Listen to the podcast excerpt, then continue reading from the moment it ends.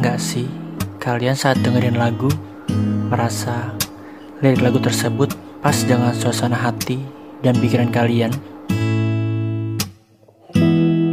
Atau memang kalian sengaja mencari lagu yang bisa menggambarkan suasana hati dan pikiran kalian untuk di-share di sosial media?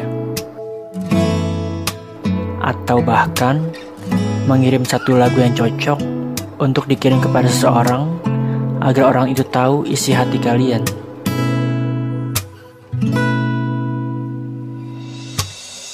Di sini, gue akan membagikan playlist gue yang menurut gue pas dengan suasana hati dan pikiran gue ataupun kalian.